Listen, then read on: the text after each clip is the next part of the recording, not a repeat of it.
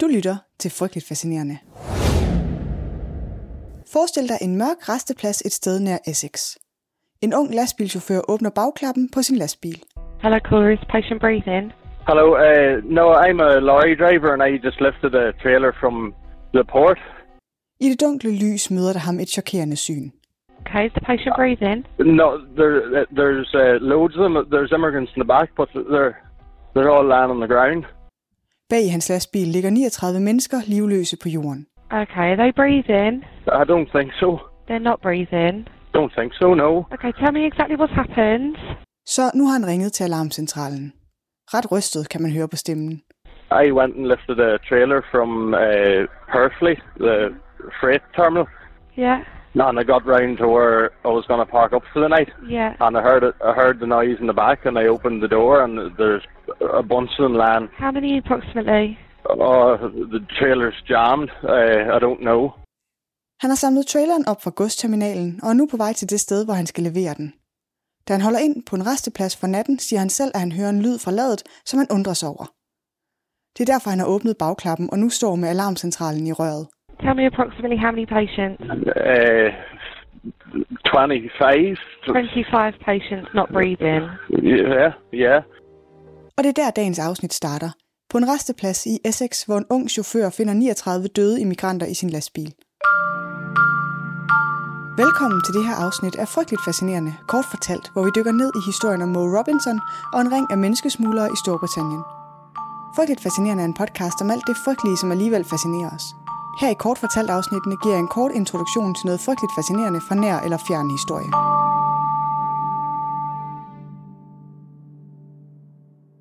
Allerede her fra start, så ved jeg det godt. Sorry. To kort fortalt afsnit lige træk. Det er snyd. Det ved jeg godt. Og jeg gør virkelig mit bedste for at undgå det. Men jeg er blevet vokset over hovedet af det emne, jeg er ved at researche. Som altså bliver sidste del i mit England-tema. Det er sygt spændende, og det kommer i næste uge. Jeg har bare byttet om, men altså, beklager. Med det sagt, så bliver det altså også spændende i dag, det lover jeg.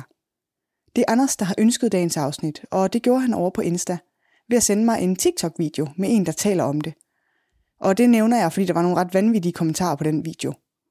Okay, måske er jeg bare generelt for blød til internettet, for der er jo vanvittige kommentarer overalt.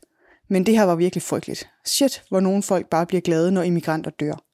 Virkelig frygteligt. Øv TikTok. Men historien, den er jo vigtig alligevel, så jeg forsøgte at ryste den ubehagelige følelse af mig og lave en god dækning af det. Her i podcasten har vi nemlig uendelig stor sympati for mennesker, hvis vilkår og livsforhold er så frygtelige, at de sætter alt på spil for muligheden for et bedre liv. Og vi har fuld knald på foragt for mennesker, der udnytter andre, der står i den situation. I introen efterlod jeg dig på en resteplads i nærheden af Essex. Der havde du lige mødt Mo Robinson. Det ved du ikke, at han hedder, men det er ham, du hørte på opkaldet til alarmcentralen. Han har lige opdaget, at han har lastbilen fuld af lige, og du har nok allerede temmelig ondt af ham.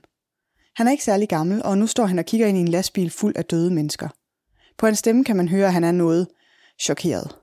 Men ikke helt så chokeret, som han ville have været, hvis han, som han ellers påstår, ikke anede, hvad der var bag i hans lastbil. For det ved han faktisk godt. Eller han regner ikke med, at der ligger 39 lige, men han ved godt, at det er mennesker og ikke varer, der er bag i bilen. Og det er derfor, han åbner lastbilen, og ikke som han påstår, fordi han hører lyde. Han skal tjekke de migranter, som han udmærket ved, at lastbilen er fuld af. For vores mand på restepladsen, hans fuldnavn er Maurice Robinson i øvrigt for kortes Moe, han er ikke kun lastbilchauffør. Han er nemlig også en del af en organiseret gruppe af menneskesmuglere, og det vender vi tilbage til lige om lidt. Hurtigt efter alarmopkaldet, der ankommer redningsfolk, ambulance og politi til stedet, og kan ganske rigtigt konkludere, at alle 39 personer i lastbilen er døde. Det drejer sig udelukkende om vietnamesiske statsborgere, 31 mænd og 8 kvinder. 10 er teenager, og den yngste er kun 15 år gammel. Allerede samme morgen i gang sættes en drabsundersøgelse.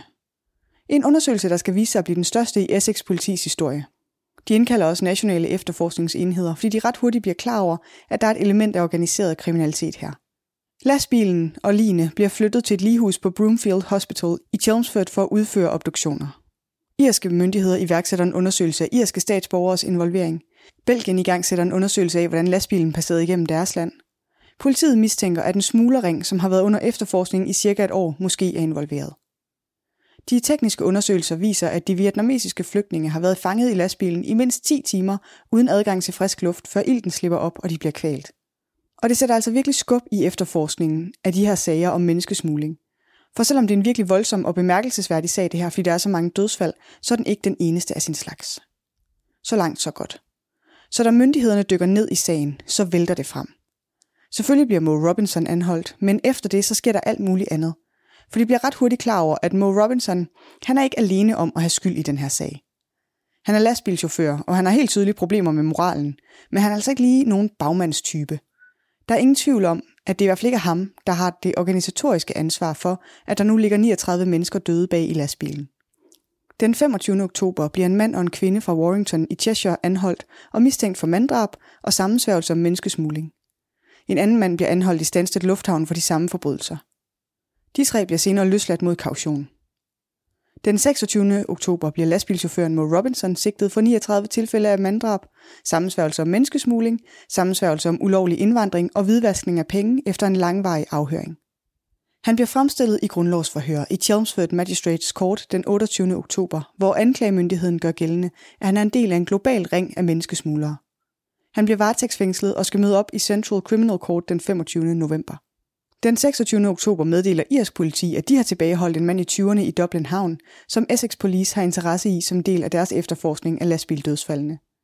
Han bliver senere sigtet for andre forbrydelser, men vurderes ikke at være relateret til sagen. Den 29. oktober eftersøger Essex Police to brødre, som ejer den fragtvirksomhed, som Mo Robinson kørte under. De bliver eftersøgt, mistænkt for manddrab og menneskesmugling i forbindelse med sagen. Den 1. november bliver en mand anholdt i Dublin i forbindelse med en europæisk arrestordre udstedt i Storbritannien. Han bliver sigtet for 41 forbrydelser herunder de 39 tilfælde af manddrab. Den 11. januar 2001 bliver Gasmir Nusi idømt 10 måneders fængsel, efter han har tilstået en begrænset rolle i smuglerringen. Anklagemyndigheden anerkender, at han ikke er en del af den organiserede kriminelle gruppe. Han bliver straks løsladt, fordi han allerede har afsonet sin straf i varetægt. Den 22. januar 2001 bliver de skyldige i sagen fængslet.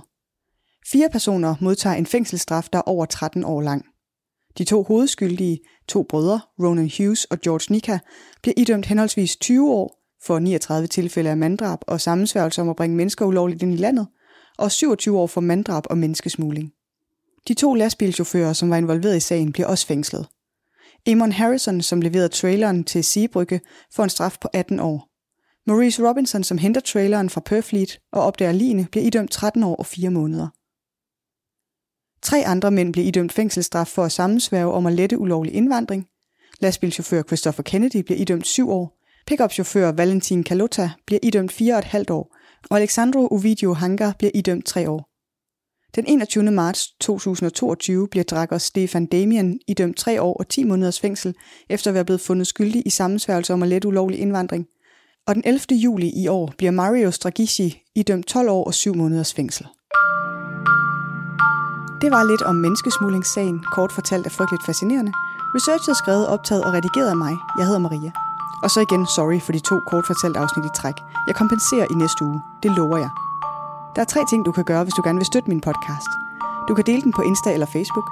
Du kan sende den til en ven, der trænger til at blive frygteligt fascineret. Og så du give den en anmeldelse i podcast-appen. Jeg sætter uhyggelig stor pris på alle tre. Tak for nu. I researchen til afsnittet har jeg brugt oplysninger fra Wikipedia, TikTok, The Guardian og BBC.